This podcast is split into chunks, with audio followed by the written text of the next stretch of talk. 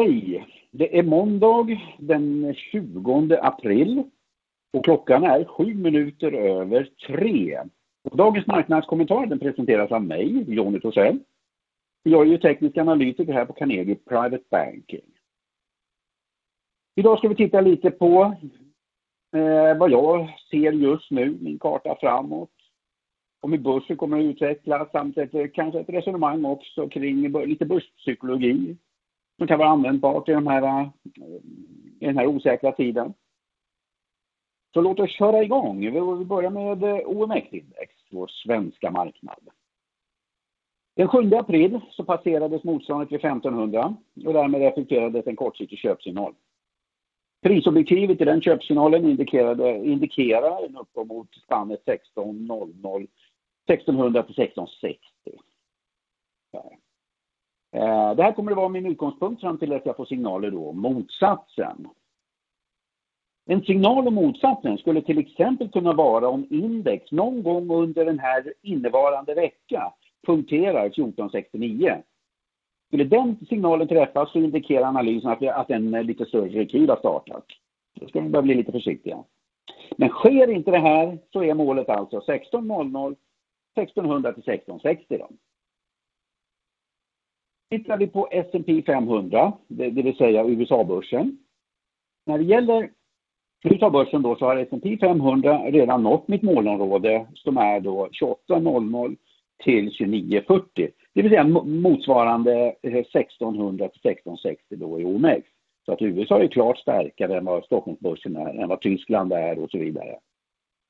Eh, än så länge så har jag inga indikationer på att det här har toppat ännu och passerat eh, 2940 så siktar vi mot 3000-nivån där, eh, där 200 dagars medeltal möter som kan fungera som ett eh, motståndsområde. Eh, nästa säljsignal eh, ges om index eh, under den här veckan underskrider 2720. Så det är väl de nivåerna här som jag bevakar. Men sen är det lite... Jag tänkte ta upp några reflektioner som jag som jag funderar på och tittar på och håller ögonen på här nu framöver. Eh, den första av de reflektionerna det, det gäller omsättningen. Eh, det vill säga den dagliga handlade volymen. Eh, jag ställde mig frågan då, är den här uppgången vi har sett nu sedan botten den 23 mars, är det starten på en ny bull market till nya rekordnivåer längre fram i år? Eller är den här uppgången en tillfällig uppgång då i en större nedgångsfas? Tittar vi på omsättningen så kan vi konstatera att den har sjunkit i den här uppgången och det här är vanligtvis ett ganska negativt scenario. För det är nämligen så här att normalt sett i alla fall, det finns ingenting alltid som är, som är hundraprocentigt, men i en bull market eller i en positiv marknadsfas, då brukar det vara så att omsättningen den ökar vid uppgång och så sjunker den vid nedgång. Det är det perfekta mönstret vi vill se i en positiv marknadsfas. Men så länge vi ser det mönstret då behöver man oftast inte vara särskilt orolig. När det däremot gäller en, en bear market eller en eh, negativ marknadsfas, då ser vi nämligen då ser vi vanligtvis det omvända mönstret. Då ökar omsättningen vanligtvis vid, nedgång, vid nedgångar och så sjunker den vid uppgång. Så just nu så är omsättningsmönstret negativt och talar alltså om för en kommande nedgång. Det vill säga vi har sett en fallande nedgång under de här eh, veckorna nu sedan eh, börsen bottnade. Och det här omsättningsmönstret är negativt för både OMX-index, S&P och DAX-index. Så det kan vara en liten sån här varningssignal. Men än så länge som sagt inga mm, säljsignaler. Eh, när det gäller nyheter så kan vi konstatera att under de senaste veckorna så har börsen stigit trots ett negativt flöde av makronyheter. Vi vet ju att makron är väldigt negativt just nu. Eh, skulle, det skulle inte förvåna mig om börsen skulle toppa i samband med positiva nyheter. Om det skulle komma någon dag det här är väldigt positivt och så toppar börsen och så börjar vända ner. Så det här är i alla fall någonting jag kommer bevaka nu när det gäller nyheterna. Eh, sen har jag en sak när det gäller tid också, eller, eller cykler. Eh, efter en uppgång nu som vi har haft med 20-25 procent här nu på fyra veckor så är ju börsen kraftigt överköpt och borde påbörja en rekyl. När det gäller min tidsanalys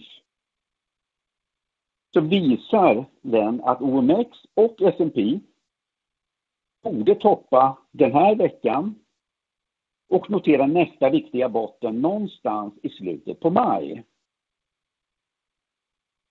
Var, var den eventuella botten träffas sen, det vill säga om det blir över eller under marsbotten, kommer bli en viktig pusselbit sen för framtiden.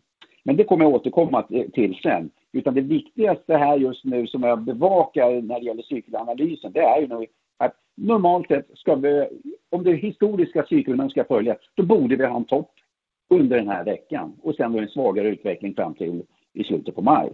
Det här är någonting jag håller ögonen på i alla fall. Eh, vad är det mer att titta på? Jo, vi, har, eh, vi kommer in i en rapportperiod.